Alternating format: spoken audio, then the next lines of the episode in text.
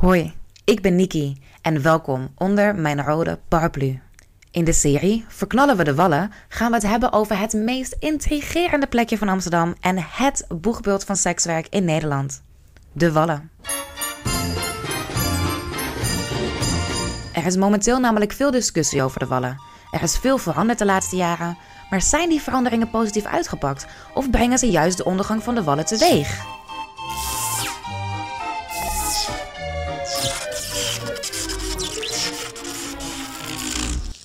Het Wallengebied is een toeristische trekpleister geworden en de straten staan vol met dagjesvolk. De buurtbewoners hebben geen rust meer en mensenhandel zou de overhand krijgen. Sekswerkers zijn niet blij met al die toeristen die alleen maar komen om hen te bekijken en daarbij de echte klanten afschrikken. Ondernemers zijn niet blij met de regels die continu aangescherpt worden en het hen steeds moeilijker maken om te ondernemen. En bewoners zijn laaiend over het gebrek aan slaap door overlast en de dronken Engelse toeristen die tegen hun gevels aanplassen en kotsen. De situatie zal nu zo uit de hand gelopen zijn dat de gemeente moet gaan ingrijpen. Burgemeester Halsma heeft dan ook vorig jaar vier scenario's geïntroduceerd over hoe nu verder met de wallen en het singelgebied en wilt hierover in discussie gaan met alle betrokkenen. Nu de coronacrisis iedereen een adempauze heeft gegeven, willen we in deze reeks afleveringen onderzoeken hoe het er nu echt voor staat met de wallen en welk van de vier scenario's nu eigenlijk de beste optie zou zijn. Ik ben vooral op zoek naar het antwoord op de vraag: verknallen we de wallen? Daarom heb ik vandaag Jade onder mijn oude paraplu. In deze aflevering zullen we het gesprek in het Engels voeren, want Jade kwam een aantal jaar geleden als student in Nederland en woont en werkt nu op de Wallen. Jade, welcome. Thank you. Can you tell us a little bit about yourself? Uh, who, who are you and what do you do? I? I'm a Pisces. Oh, really? I didn't know that. Yeah, very emotional. Um, yeah, I'm currently studying, um, and I also work part time in the windows in the red light district. Do you know what your first memory of sex work was? I when I was quite young, actually, I think I want to say maybe like twelve years old. I have a really strong memory of being in the school playground with a friend, and we were going over all the bad words that you could call other girls, and we were ranking them from like worst to like harmless or something. And I remember it went from like slut to hoe to hooker and then whore or something like that. You think hooker is less bad than whore? Because I feel like hooker is more offensive. I think whore is the most offensive. More than hooker? Yes. Why? I don't know. I just feel like it carries a certain kind of weight to it, like historical weight. just you're a whore. I don't. I don't. I don't know. It's a uh, hooker. I, it seems more like lighthearted to me. I mean, it's not. It's yeah, like very derogatory, but. Uh, Okay, so I'm sorry for interrupting. Uh, so you were uh, rating them to harmless to worst, which kind of makes them the best, I guess, when you're that age. Yeah, yeah, I guess. But um, yeah. So we didn't really, I think, fully understand what sex work was, but already that vocabulary was was in my head, which is pretty messed up. Um, yeah. Is, is that what you mean, or do you mean like actually knowing what sex work is? Yeah, I think that like for me it was probably watching Pretty Woman as a child. I never saw that. And not really being uh, not really being aware that she was doing sex work. But, you kind of knew, but you didn't really knew what it was. I just looked at it and I was like, that's what I want. I want that. I want a Richard Gere in my life. Mm, oh, he's pretty steamy. Um, I do remember I was really into King Henry VIII and all of his wives, and my favorite was Anne Boleyn, and I remember that she was always called a whore. So that was, I mean, she wasn't really a sex worker, but she was a powerful man's wife, so it's basically the same thing. Sort of, yeah, in a way.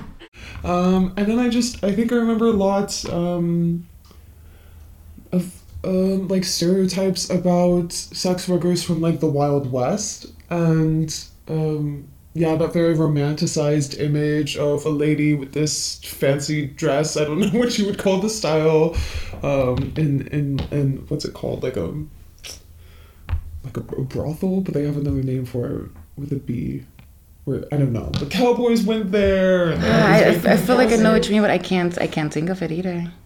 Uh, so I was introduced to these like small ways, but yeah, when I was um definitely before high school, I think. And I also uh, really liked the images that I saw. I was just like, oh, I like these ladies. Like they're yeah. so pretty and they look glamorous and they seem to have like a lot of influence in society. In my mind, they it was such a I saw them in such a positive light. And I didn't understand why society was so hateful towards them, uh, and wasn't giving sex workers any respect or or credit for doing a lot. So, what made you want to decide to to start doing the work yourself? I was just curious about the work in general. Like I'm a very sexual person, so it was always something I wanted to do, but didn't really have the guts to do it, or wasn't in a place where I was legally allowed to do it. Um, and yeah, I, later on, I also just needed to pay for a visa. Did you start because uh, you work in the windows, right? Yes. Did you yeah. start with window work immediately, or did you have a slower um, start to it? I started off doing webcamming when I finished my first masters, and that was more just to kind of explore to see what it was like. And I really enjoyed webcamming, and I had a good personality for it and everything. But I was so bad at the marketing side of it. I'm horrible with that. Like really don't know what to do. I didn't want to do it either. Um, and I had some problems with my mental health back then, so I kept canceling my scheduled shows, which is like suicide, I think. Yeah, it is. Yeah, the consistency is. Yeah, exactly. Um, so I enjoyed it, but yeah, it just wasn't that um, reliable for me, and I just wasn't that, that good at it at the end of the day. I didn't have the right skills for it, so I uh, a colleague of mine suggested I try working in the windows. So I just started that maybe a few years ago. yeah, in the summer. And then it was then it was really like I need to pay for this visa. I don't want to ask other people for this money and I need it in a short period of time. How much was the visa? The visa was you needed like a few thousand just in your business bank accounts and then the visa itself in the application was like a thousand and then I also hired an immigration lawyer because I wanted to make sure that I did everything properly and that I would actually get the visa. Yeah. And I didn't trust myself, and so that he that was also quite uh, expensive. But I was able to make the money in, in a few months and also have a lot of savings. Nice. Which is nice, yeah. Did you ever try any other form of sex work, or have you only done window work? Uh, I also worked in a private house. So those those first three months, I worked in the windows, but then I quit for a year because the stigma was too intense. I didn't know how to handle it. Um, and I worked in a restaurant, which was like soul sucking. Um, and after that, I went back to uh, sex work, but then, yeah, I worked in a private house, uh, which also was very nice, like a really safe location, really cozy. There was, um, like, you'd sit in the living room with all the other ladies, and there was a cat, and okay. yeah, it wasn't like their cat, but you know, Amsterdam. Yeah, they're just there. Yeah, it was so fucking cute. And you could order food, and it was just, it was so cozy, but the prices were crap. It was really what, are, what were the prices? There's an opting in system. Uh, Apparently, you can opt out, but I yeah I don't know taxes. I was like okay, so I, I opted in, and um, I think they raised the prices now. But back when I was working a few years ago, it was for half an hour the client would pay like sixty five, and I would um, receive twenty or twenty five euros of that. For how long? For half an hour. For half an hour. Yeah, and for that twenty five. Yes, and that was kind of expected for like oral and penetration. Yeah. And you're also expected to get naked, and of course, nobody can tell you to do this, but it's basically. There's expectations. There's expectations, absolutely. And a lot of the clients there were um, cheaper, and any extra services they paid for, like if they wanted to do BDSM or something, or whatever else, like girlfriend experience, then I would keep 100% of those profits. But yeah, few clients paid for extras. It's funny because you say that uh, the customers of the private house are cheaper, but I feel like people that don't know sex work generally have like this idea that the customers on the in the red light district are the cheapest. Oh, absolutely not. Absolutely not. I mean, I think people really don't understand what goes on in the red light district. And there's a huge variation, of course. Yeah. Like you have some people who do uh, both blowjob and sex for 50, which is their prerogative. Yeah. But you also have really a lot of people who won't even have sex unless you pay 100. And that's not even with touching, that's not even with nudity. If you want touching and nudity, that's at least 100 more, basically. For still the same 15 minutes. Yes yeah 15 nice. 20 minutes. So i mean it's up to the individual what they feel like and the client but i mean it is you do have a lot of clients who try to be cheap. I have yeah. a lot these days asking for 20 euros for 30 euros which i'm surprised they're even asking for that. I think they must have gotten the idea from somewhere but uh yeah.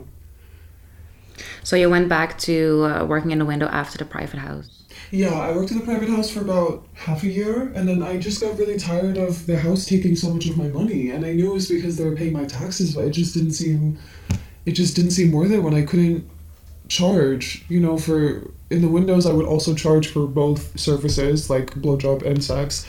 I would also charge for getting naked. I would also charge for for being able to touch me in certain areas. And in the private house, I just already had to do that for that starting price, basically.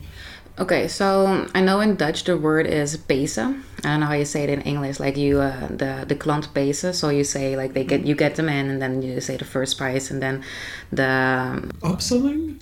yeah maybe is that th- th- that doesn't sound as nice. but basically, um, making them pay more for uh, for the extra things like getting naked and stuff. Yeah, it's upselling. How do you how do you do that? Yeah, I mean, it's an art skill that I haven't fully um, perfected yet. I'm still working on it because I'm not really like a business minded person. Oh, because for me, I, I, I enjoy the online cam because there it's just like they pay the price and I don't have to talk about money at all. That's what I like. I, I have a difficulty, like they can tip for certain stuff, but that's like minimal. But I'm just very curious, like, how do you actually, like, they're already there and then they say, like, okay, you get naked. And do you just then say, sure, another 50? Or how? how Yeah, basically. I mean, I think everybody has their own style. Yeah, of course. And I am quite um, upfront with the people, so I will literally just say, no, you have to pay more more money for that. But you try to do it in like a flirty, sweet way. Um, or it, it also depends. Sometimes it's easier if at the door they just ask how much and then you say 50 euros. And if they don't ask what that 50 euros entails, then that's how you can upsell inside the room. Because then you just start with the blowjob and they say, oh, but I thought we, we could have sex. You say, no, you didn't. Like, there's 50 more. And if they say, oh, but you should have told me, it's like, well, hey, you could have asked at the door, but you didn't. Yeah. Um, so you do that, or you can also there's a little trick where like once you start putting the condom on and everything, and so once they're kind of already aroused, then you can say, "Hey, sweetie, like, do you want to spend a little bit more time? Like, if you want full service, you can touch, you can see me naked, then you can pay two hundred, and you can stay more time." how much more time do they get if they pay the 200? It depends on the client. I think for me it would be like half an hour probably. Um, So that's way more above the because I think the average rate. I'm literally just sucking this out of my mm-hmm. tongue, but I think the average rate for escorting in Holland is about 150 euros for an hour. I have no idea. I think it's about that 150 to 200 is like the average. So this is way more actually. But this this like last trick only works with people that you know really have money. How do you know if they have money? You you look in their wallet when they pay you in the or you look for other signs like the, they have nice shoes or they have a nice watch or something, and then you can and sometimes you can kind of see it on their face. And also if they're at the door and they're already asking like, "What is this 54? Is it for blowjob and sex? Like, do I get to touch?" Then you kind of can tell that they're not the kind of people who are willing to spend more. Hmm. And then in that case, I tend to just charge like per service instead of the whole do you want the full service deal right away. So what do you like most, um, or th- th- was that the question I want to ask? What do you like more about working in a window um, than in the private house, for example? Besides just that you can spend more money, or is that is it really just a money factor? Um, money is a factor, so I like that it's yeah I'm a ZZP'er instead of working under opting in, but I really like So you're registered at the Chamber of Commerce. Yes, Yeah. yeah. But I actually like just the whole setup of the windows itself because in the private house, um, basically the client had more power. The client would come in and then all of the ladies working that night or day would introduce ourselves to the client and he would get to pick. Yeah. But in the windows, it's more like we're the ones picking because you have so many people on the streets. Um, and if someone comes to your door that, that you don't like, you just shut the door in his face, and it's like the best feeling in the world. um, but in the private house, there's there's fewer people coming in, and you have more options like of of uh, service providers. So it's more of a sense like okay, if I want to make money, then I, I still have to take this client basically. Um, but in the windows, I, f- I at least feel like I can be much more choosy and picky with who I let in. Um, and I just like, yeah, that I can watch people first. Like, I, I like that I can see everybody on the street. I can take my time before I let them in. I like that there's cameras everywhere, that there's an office. And I like the, the neighborhood. It's really, it's a beautiful neighborhood. I really like that I work in a neighborhood too, like with other people, because it's quite cozy. You get to know each other's faces, you say hi. Some of my neighbors are quite nice, we wave at them. And Yeah. Ja, gezellig. Gezellig, yeah. That's my favorite Dutch word. A lot of people, especially people that are not pro window prostitution. They often say, well, it's not of this time anymore. Het is niet meer van deze tijd. Uh, there's not many customers anymore. The girls don't even make money anymore. But it sounds like people are still making pretty good money to me. Ooh, not really.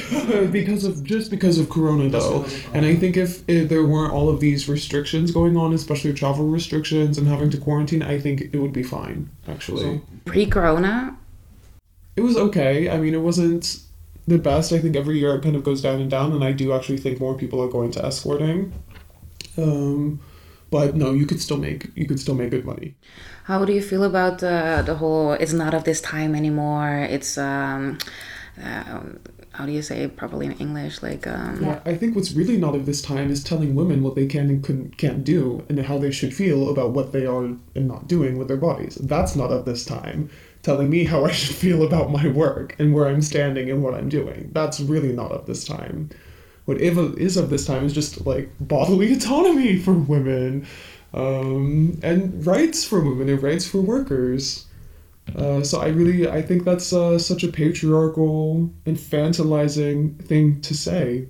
They have no idea what they're talking about. Most of these people, they usually don't have friends who are sex workers. They maybe just see us as victims, and you can be a victim sure but you're a, you're a person first. You're like a fully formed grown adult person before you're ever a victim of something. Yeah because they always talk about there's so many uh, victims of child of human trafficking in the red light district and this is why we should uh, uh, remove it to like something else. No i mean the more visible it is the safer it becomes. So you yeah I, exploitation happens in the windows, but again, this is a labor problem. This is a migration problem. It's not a prostitution problem. And anybody who says it's only a prostitution problem needs to take some classes um, specifically on this issue because it's like it's so hypocritical to say you care about trafficking, you care about violence against women, and only focus on prostitution, but you don't do anything for the au pairs who are being trafficked um, or the people in the farms who are being trafficked, or in restaurants or nail salons or whatever, like the plethora of other labor industries where people are being heavily exploited, and the women are also being sexually abused in those places too. Um, or even in people's own homes. So I think it's um, you know it's great to to fight against this. Like I don't know a single sex worker who is pro trafficking. I think all of us are anti trafficking very, very strongly, and that's why we're always advocating for our rights and for public uh, places and to keep the windows because we know that if you get rid of them, like I said, if some people are going to escorting now, how are the police going to find them unless the police are creepily tracking their ads, which I also don't think is a great practice. Um, you, you don't have as much access, you know, and the windows I see the police every single day I come to work, whether I want to see them or not. They're there. Um, you know, and they're specially trained. They're actually, some of them are quite nice. Um, you have like people from P&G 292 coming around. You have like social workers coming around. You have the annoying Christian people coming around. Uh, but you don't really have that when you're when you're escorting. Uh, so people have their own ways of staying safe and escorting as well. But yeah, maybe because it's not this like public licensed place, you don't feel as comfortable uh, making use of certain resources. Would you start escorting if the windows are not an option anymore? I've thought of it. Um, I'm a bit worried because of my migrant status. I don't know if I'm willing to risk that or not. If like I'm very privileged in this industry and I could get other jobs if I wanted to. Yeah. Um, so I'm not sure. I, I have definitely thought about it. Absolutely ever since these topics about closing the windows have started, I've been thinking about it. So you're referring to the four situ- four scenarios that yes. Mayor Halsema introduced to us last year.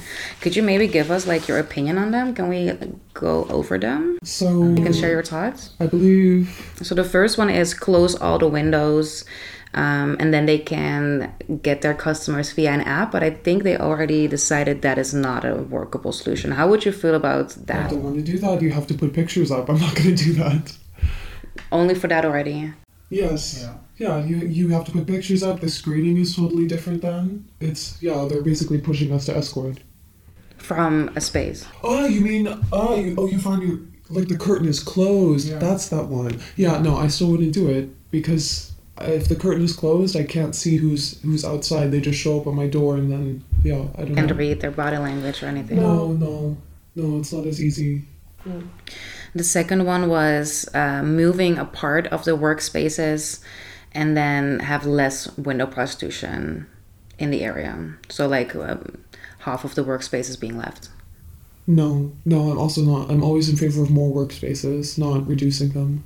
Well, the people always say that are against more workspaces, they say, well, the windows are empty already now, so why would you need more workspaces? But it's not because people don't want to work. It's really because of this horrible pandemic that that we're in. Like I know. People said it before the corona pandemic, too.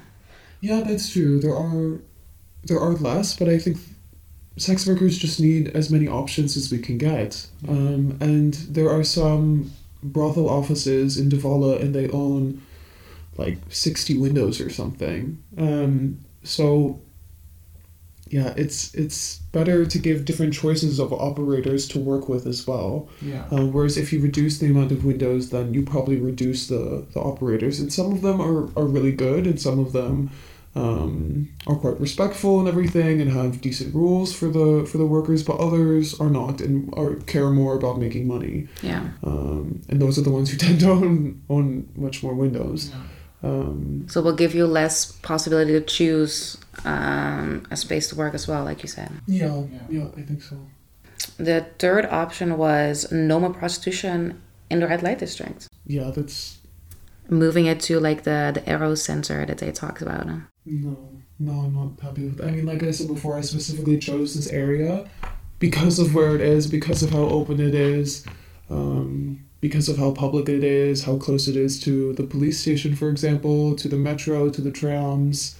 Um, that's like the geographical location is is quite important to me. But also going back to the last one, where people say if there's like no windows in use, then why are you complaining that they're there? I, I don't know. do, do you know what I mean though? It's like an argument for them to say, well, if you walk there, you usually during the day they are Yeah. referring to. If you if you walk there and like half of the windows are empty, so clearly there's no need for them. That's usually what the argument is. I mean, during the day, yeah, that tends to be true, but at nights, they're mostly full. I mean, not during these days, but before that, they were still mostly full. I think it also depends during the day as well which area you are, because the, around like the old church, usually during the day there's quite a few women working there. Yeah, that's true.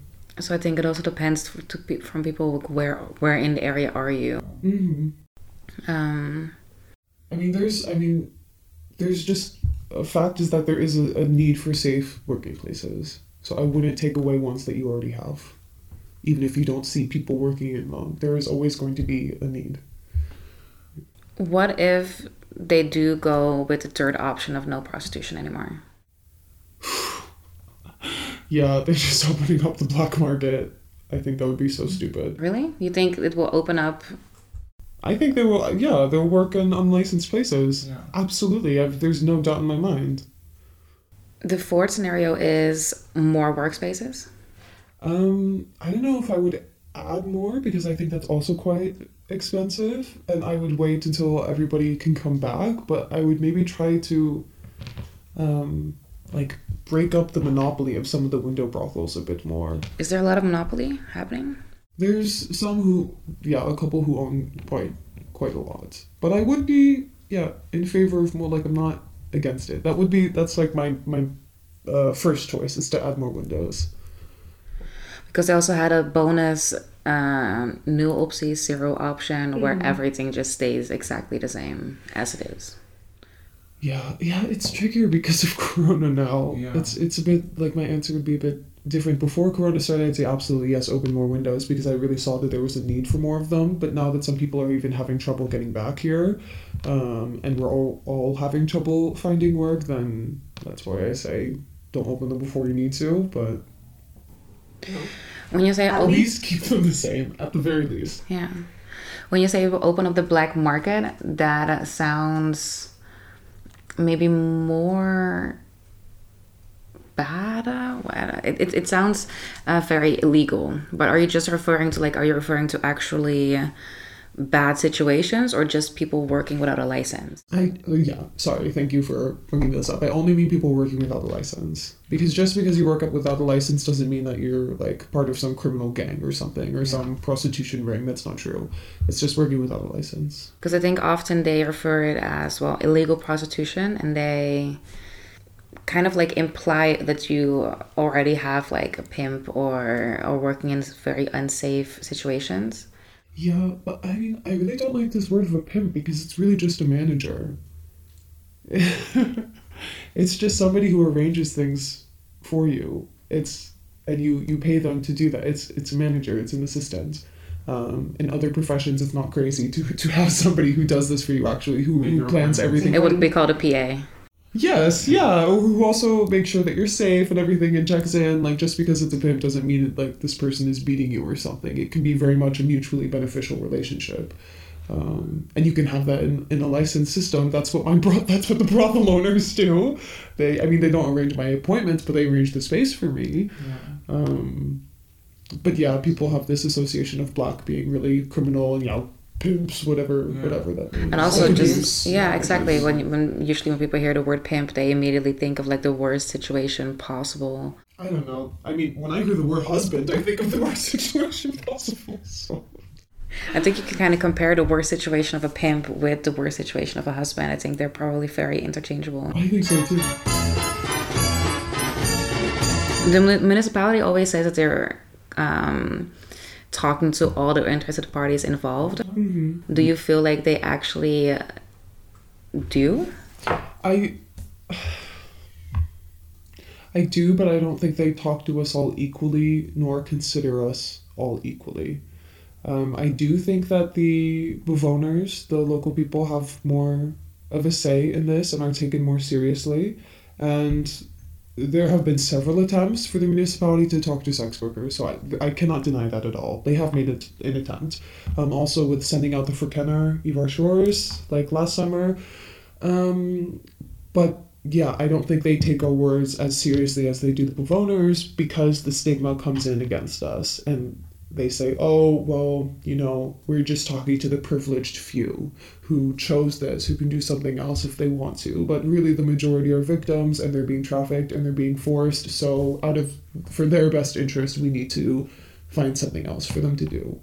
Um, I don't think we're taken very seriously. I think a lot of it is just symbolic politics of saying, okay, we met with sex workers just so that they can say that they met with sex workers, or that they can say in the newspaper, hey, we had a meeting with sex workers. They gave us all these great ideas about this new prostitution hotel.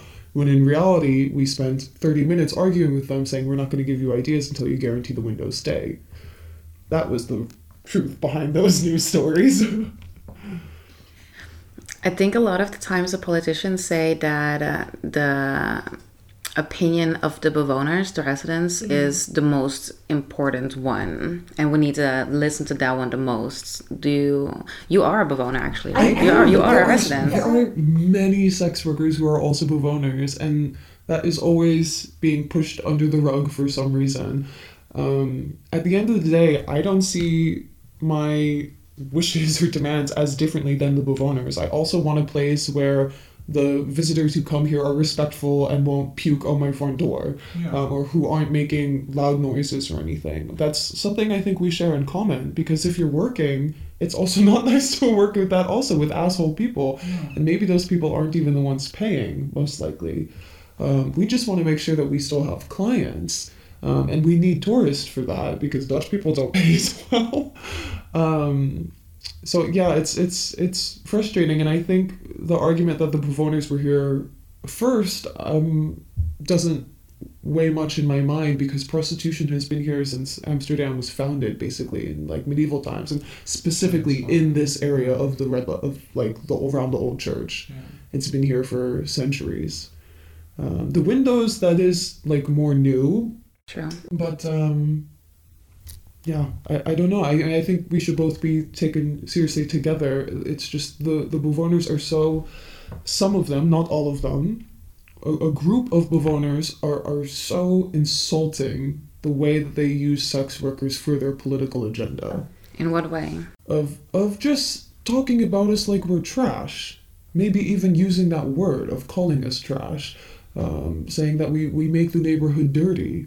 Um, and we bring in dirty people to it. It's it's insulting. It's not true. It's just yeah, they they they aren't willing to work with us. But there are a lot of bewoners I know who do support sex work, but just want more respectful people coming to the area. Yeah, I feel like sometimes when you talk to uh, the bewoners that uh, they're not against sex work, but they feel like removing the windows is the only way to remove the whole crazy situation that is happening on the red light district. So they're kind yeah. of coming to a conclusion that they maybe don't even really agree with necessarily, but they don't see a different possibility. Yeah, yeah, I can I can see that. And I can understand why they think that too. If they also don't really know much about the sex industry or the consequences of moving the windows, I can absolutely understand why they say they should be gone. What would be the consequences? Um I think either people, yeah, moving into the area without licenses or just feeling less safe. That's one reason why I'm would not like to move because I feel really safe here and and it's because I'm in this neighborhood. If I lived in an area that was separate, that was only for prostitution, that didn't have other non-sex work related businesses or people around, I would not feel as safe. It also always seems like the media, especially, is trying to portray it as if it's, well, like you already said, like it's sex mm-hmm. workers versus human trafficking victims, but it's also sex workers versus the bewoners. Like you don't have any common goals, basically. Mm-hmm. Yeah, that's true. But you already just mentioned that you, you don't want the people puking in front of your door either. Do you feel like it's kind of um, played out as if you don't want the same thing? Or do you think that maybe uh, all parties involved kind of need and want the same thing? I think oof, yeah. I think there's a group of bewoners who want the same thing as sex workers but i think there is a group of bewoners who really just hate sex workers and want us gone. And they're never going to say that they hate us because that's um, won't make them popular these days. You can't you can't really say that, but I think it's true, um, and you can tell because of the way they talk about us. Um, and they're also very xenophobic. I've heard some um, politicians and some people close to the politicians saying that you know now the windows are only full of foreign women. Yeah. So in what other industries it's so full of foreign women? It's like, hey, have you seen the bars and the restaurants around the center because they're full of foreigners too. Um, so that's just quite xenophobic, I think. And then they use trafficking just as an excuse without understanding the full complexity of what human trafficking is and what it means in the Dutch law, where you can still consent to work in prostitution and still have it fall under trafficking. Um, yeah. Yeah, I was gonna ask you how you feel about because they do always say that like, oh, it's only uh, foreign women working in the windows anyway, so you might as well just remove them because there's no Dutch women working there. But you are also a foreign woman. Yes. How how does it make you feel? I th- I just find it so insulting, really insulting. They just talk about it as if being a foreigner in and of itself makes you more stupid and less uh, capable of making your own decisions or good decisions for your life. Um, like believe it or not, sex work can be a good decision for someone in their in like a certain part of their life. It can also not be the best decision, but it's still like we're, we should still be able to make these decisions for ourselves. You're allowed to make mistakes. Yeah, You're allowed absolutely. to make a bad decision as a person. Yeah, if I mean for me this was a really good decision. For a lot of my colleagues, this was a really good decision too. And I think um, it's just a heartless thing to say. It's cold and heartless to say that, um, like, to use us as foreigners against us and a reason to get rid of us um, because unless the Netherlands is doing something to like eradicate global inequalities across the world or poverty in other in other countries, then um, yeah, it's just oh man, it's just an asshole move. I and I think just because you're a foreigner doesn't mean you're not you don't have skills. Also, a lot of people assume that oh they're just prostitutes, so they're probably stupid, really uneducated. I think the majority of my colleagues that I know like talk to all have an education, usually a university degree as well. Um, a lot of them are nurses too.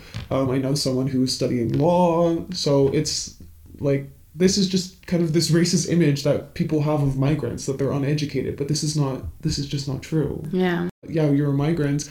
Maybe you don't speak Dutch fluently. Maybe you don't have access to the labor market you really want to have access to, and sex work is, yeah, a good alternative for you why should we not be able to make that? Unless you provide other good alternatives, then I think it's just a cruel thing to say.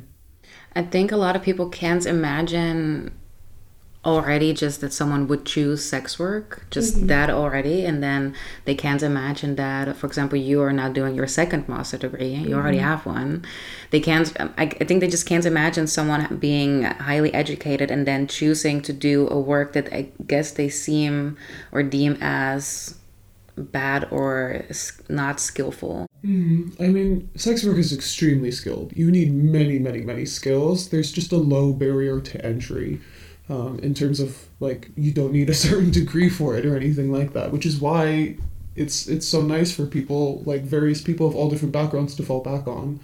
For me, it fits very nicely because I've tried the whole nine to five thing. I've done internships. I've worked in offices before, and I find the work really unfulfilling. Yeah, and like I said, I also took a, a break for one year and worked at a restaurant. So I always like to compare these jobs because they're both in the service industries, just different ones.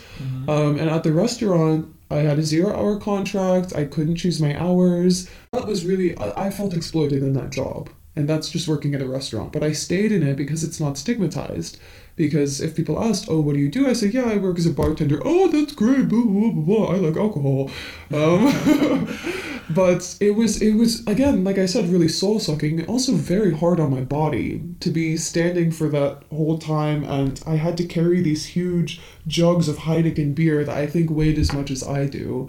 Um, so that was just like tough, tough physical labor. I just, you also always had to be nice to the customer, even if they were rude to you. And you, when you work in horeca, a lot of people are quite rude to you, I think.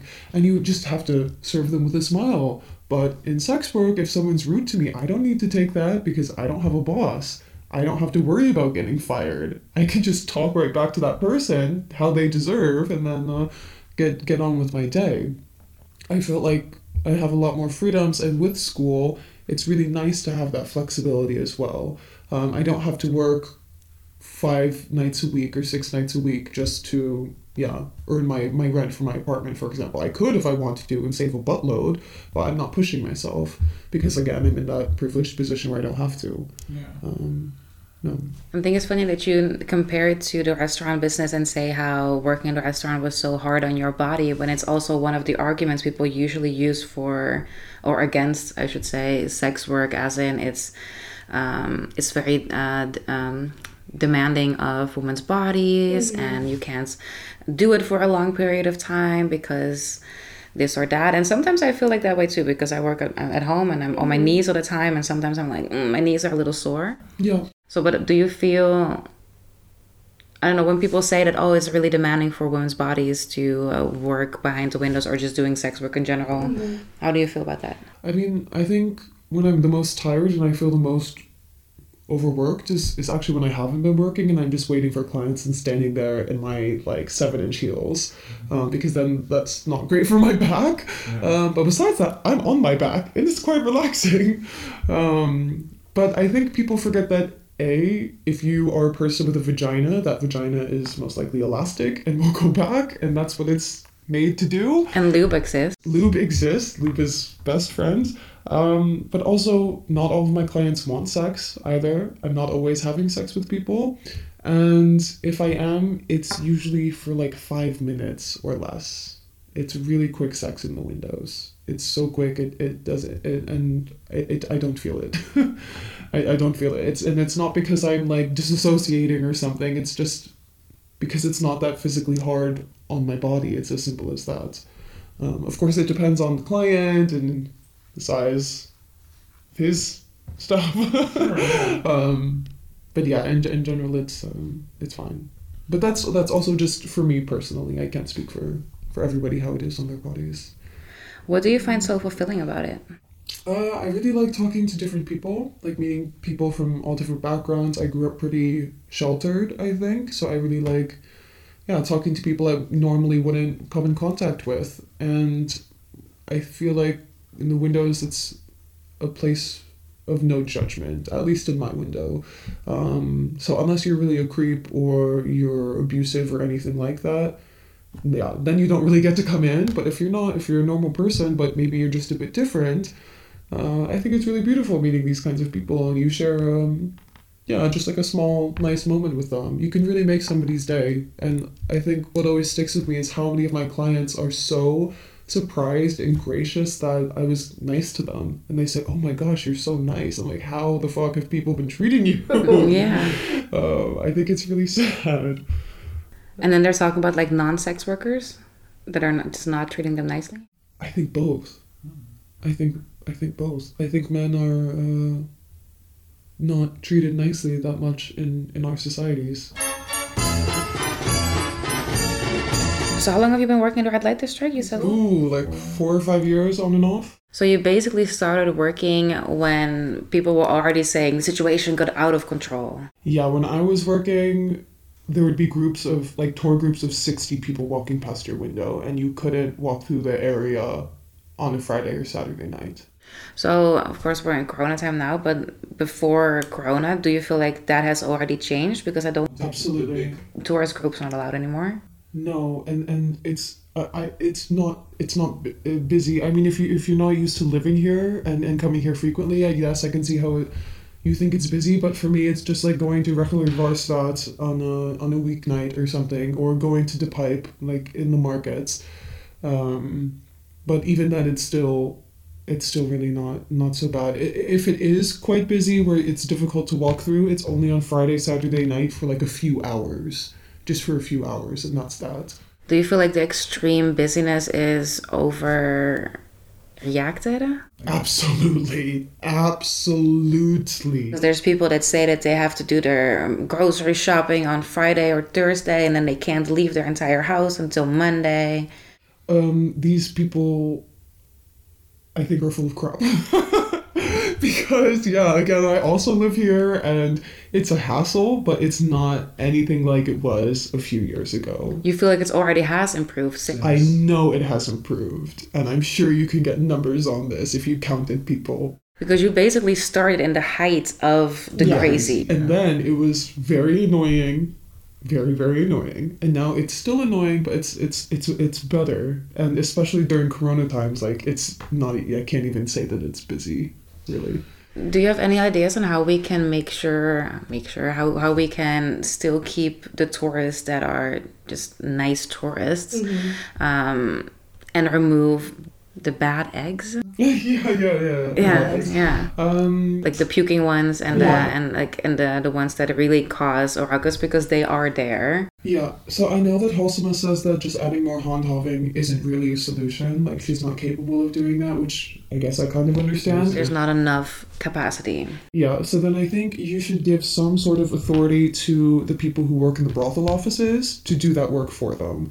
Uh, maybe not giving tickets because it's not like they are handhaving or anything, um, but just to, yeah, do what maybe the hosts do, if not a little bit more. Like, give them some training to, to deal with these people and to get them out. Don't they already do that though?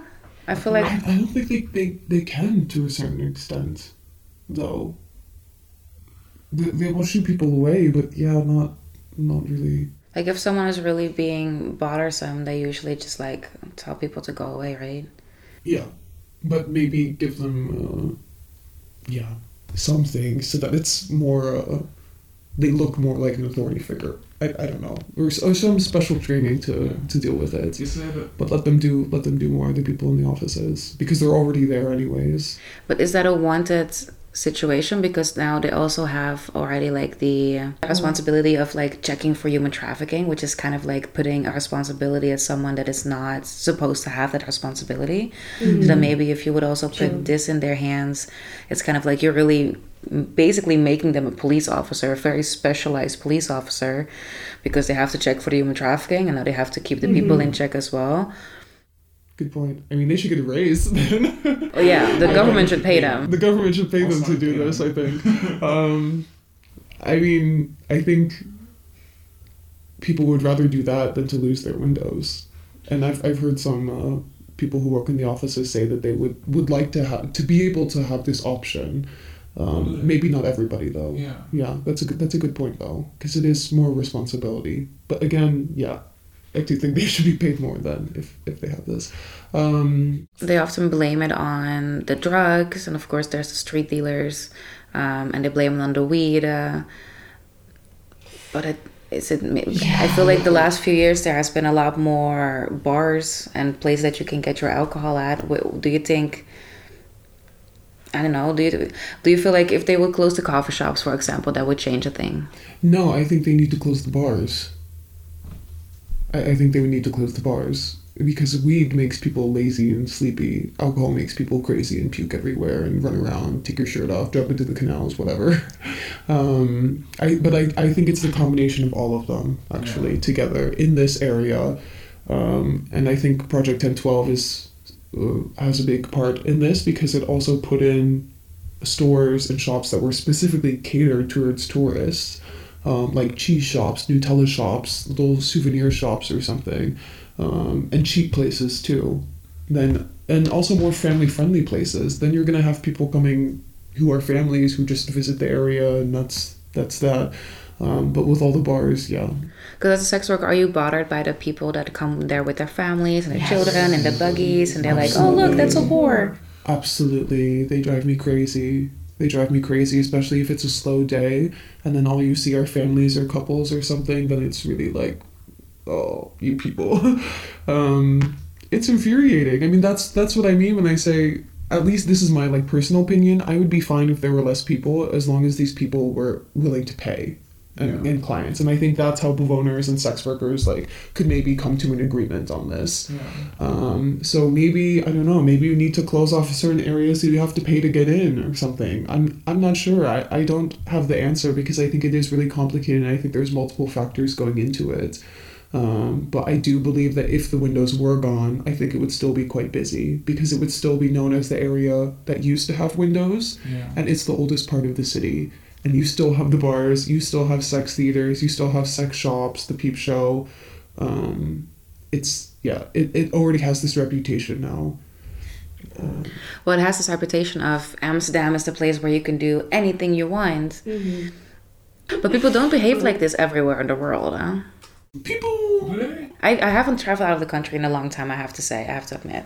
I think it depends, but I'm not sure. I mean, I, I I'm. Not, That's what they say. At least they say this is is worse here than anywhere else. Um, maybe for like the puking in the street, it could be, but in terms of the just the busyness and the amount of tourists, that's not unique to Amsterdam. I mean, if you go to Bar- Barcelona and that one street, like where the market is, that's incredibly packed. Um, that's yeah the, the crowds are not uh, unique but maybe because amsterdam is a smaller city it feels more um, of a nuisance which i can which i can understand. But then you also like don't make things so cheap. Don't make the flights so cheap. Don't make the hotels so cheap. I mean that's when i say it's complicated because i don't think the municipality has any control over that. Um, but yeah as long as you have cheap things you bring in cheap people if you have the bars uh, everywhere around, then because the people that come with the cheap flights aren't gonna be the cheap people that probably won't pay. Exactly, exactly. But they're the ones who are going to the bars, like getting drunk off their asses and then peeing as cheap as possible. Yeah, and then peeing on our on our front door. So you mentioned earlier that you uh, talked to Ivar Schuurs, the Verkenner, mm-hmm. last year. Yes. Have you also been involved with any other conversations regarding the red light district? Were you at the two evenings that they had last year? I was at those two evenings. Yes. Um, I found it very frustrating that uh, there were people, rumors. Um, started because a lot of the, there were many sex workers that came. I think there were like over 100 or something, and we most of us had a sign saying we want the fourth option to open more windows because that's genuinely what we wanted, um, and do still want probably. Um, and because we all had the same sign, people said that the brothel owners like organized it themselves when it was sex workers who organized it. I think that credit goes to Felicia Anna in, in a big part. Um, who who did that. I mean, yeah, maybe we got help from brothel owners, but it's not. Felicia Anna's from Red Light United. Red Light United, yeah. Um, but yeah, the brothel owners are not the ones in charge of this. They're not mm, like forcing us to show up. They're just we want to show up, and they have a printer, so we use their printer to print out the signs, type thing.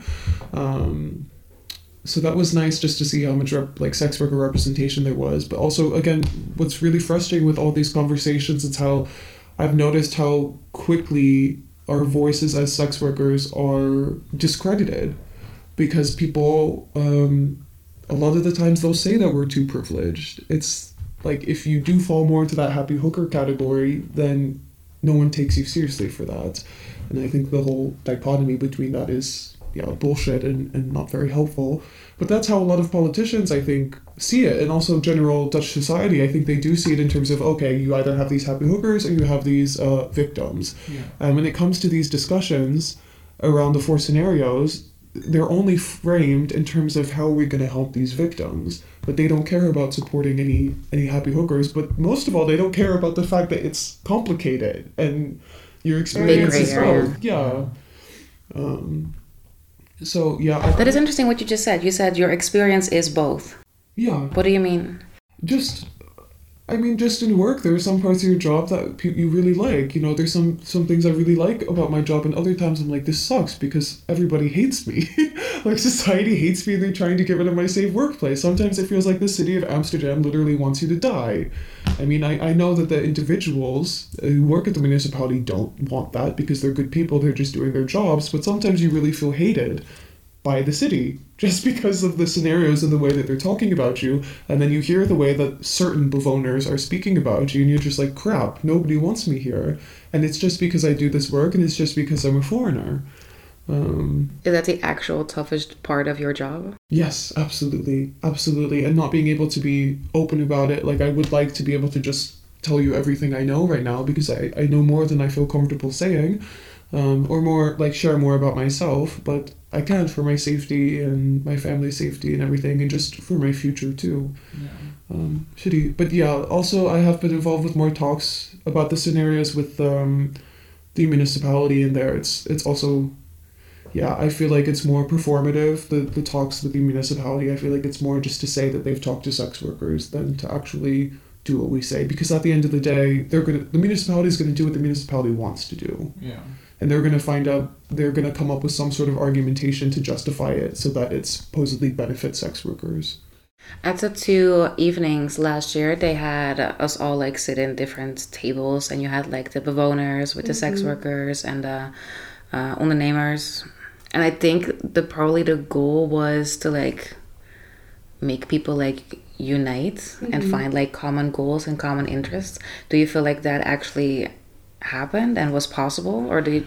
I I don't know if it was. It wasn't that long of an evening. I don't know if they maybe just need more Yeah. situations like that. i think it depended on who you were sitting with i mean i think there's a lot of people who are like especially bewoners who are much more reasonable than we give them credit for Yeah. um, and who who do like you said are kind of in a tough place where they do want to support sex workers but also want to have their neighborhood back uh, Yeah. But I think there were also some people that I came across and sat next to, and they had this uh, idea of what prostitution is like, and that was that. They knew better, even though they had never worked a day in their life as a sex worker, and they knew what was best for you, and they knew what was best for their for their neighborhood, and they felt entitled to have their neighborhood because they're Dutch and because they just live there.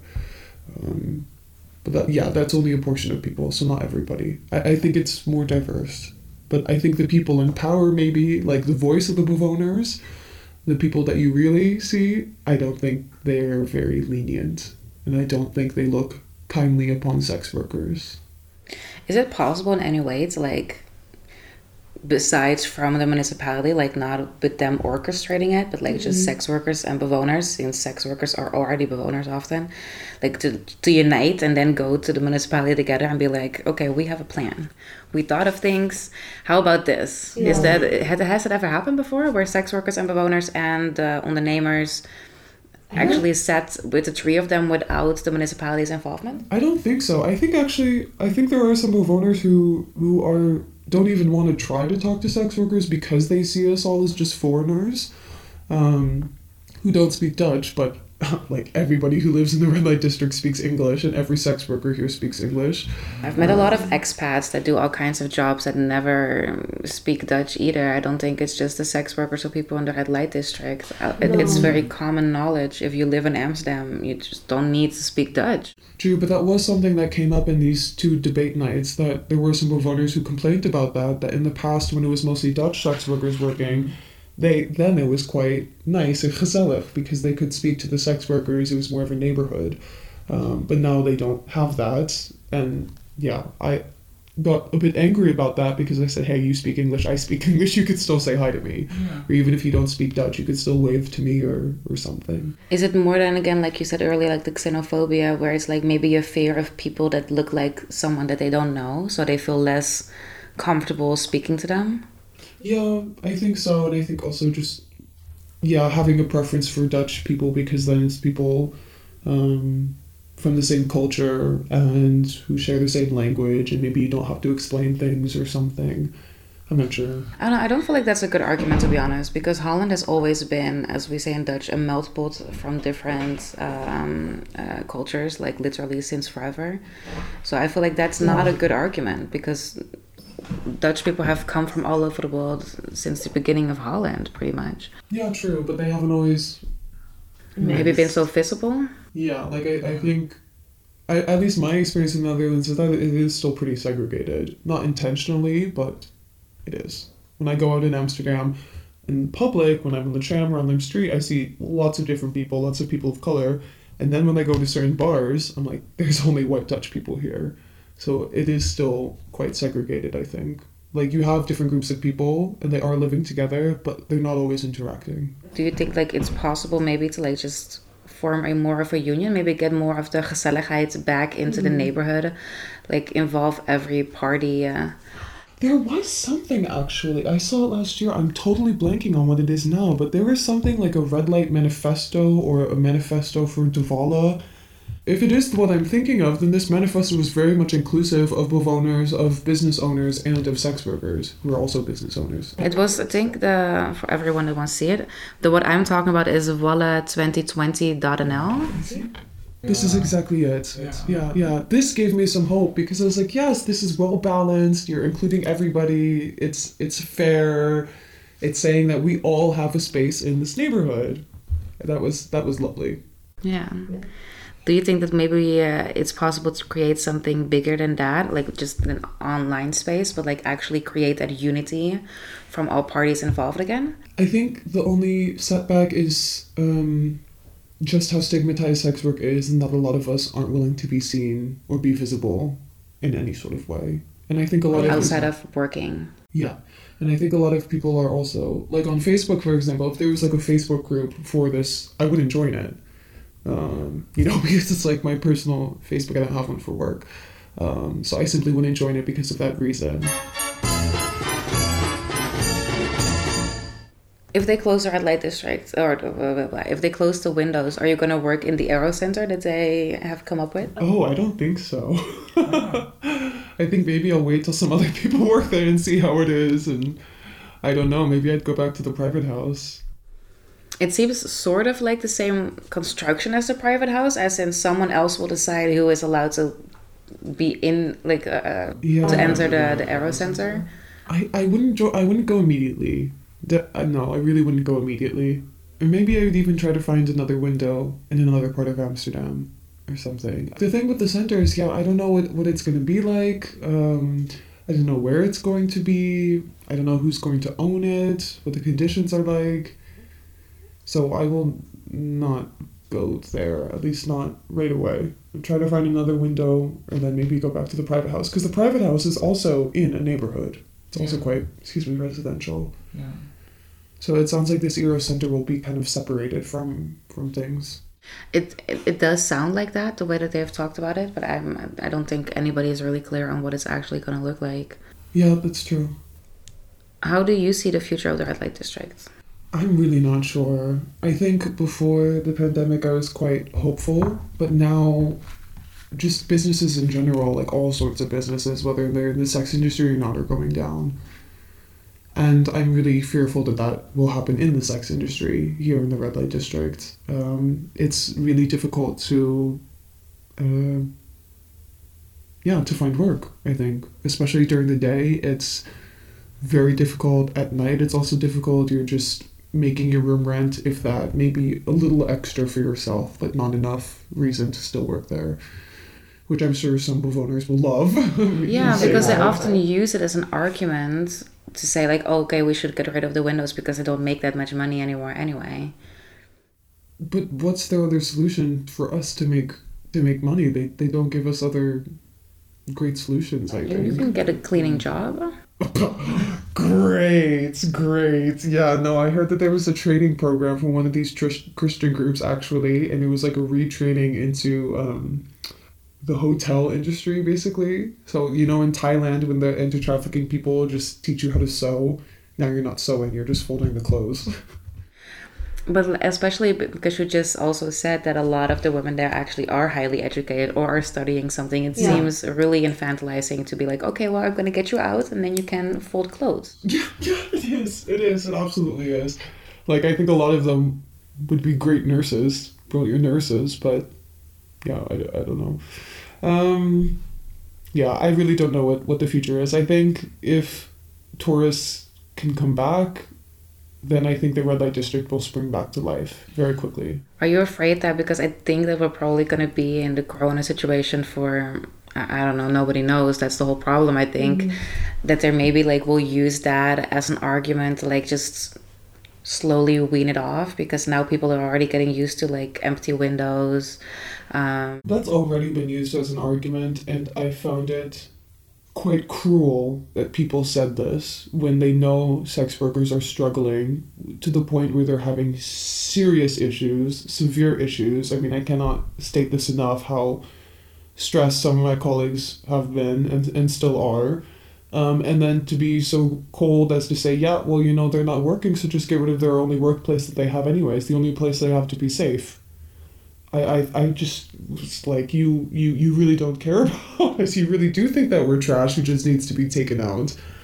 Um, that was that made me so sad to hear. There were letters written by bewoners to the municipality where they said exactly this. Like because it's corona times, everything's closed now would be a perfect time to get rid of the windows. And I'm like, this is actually a perfect time to try to keep them safe because this is people's only income. And unless you give them other options, they might die. Yeah. I, I and that sounds drastic, but I know people who it, it's like this is it's a serious thing. It's just it's a really serious thing. You cannot just write it off as oh the windows are closed and so let's just leave this elsewhere. Like people have families to support, people have themselves to support. They have future goals and dreams that they're looking forward to. It's it's not like prostitutes are, are, are dumb people only looking for money. Like we have hopes and dreams, we have aspirations, we have loved ones. Um, so yeah, it is just oh, it makes me so sad.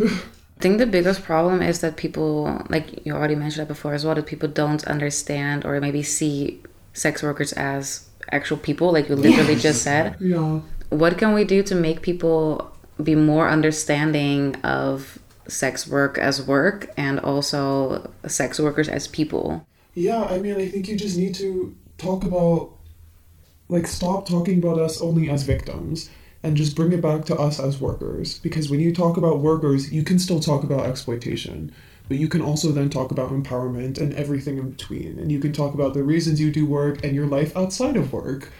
Um, but so many people are only focused on this victim aspect, and then we just become one dimensional, basically. Like, our lives are only sad, and that's it.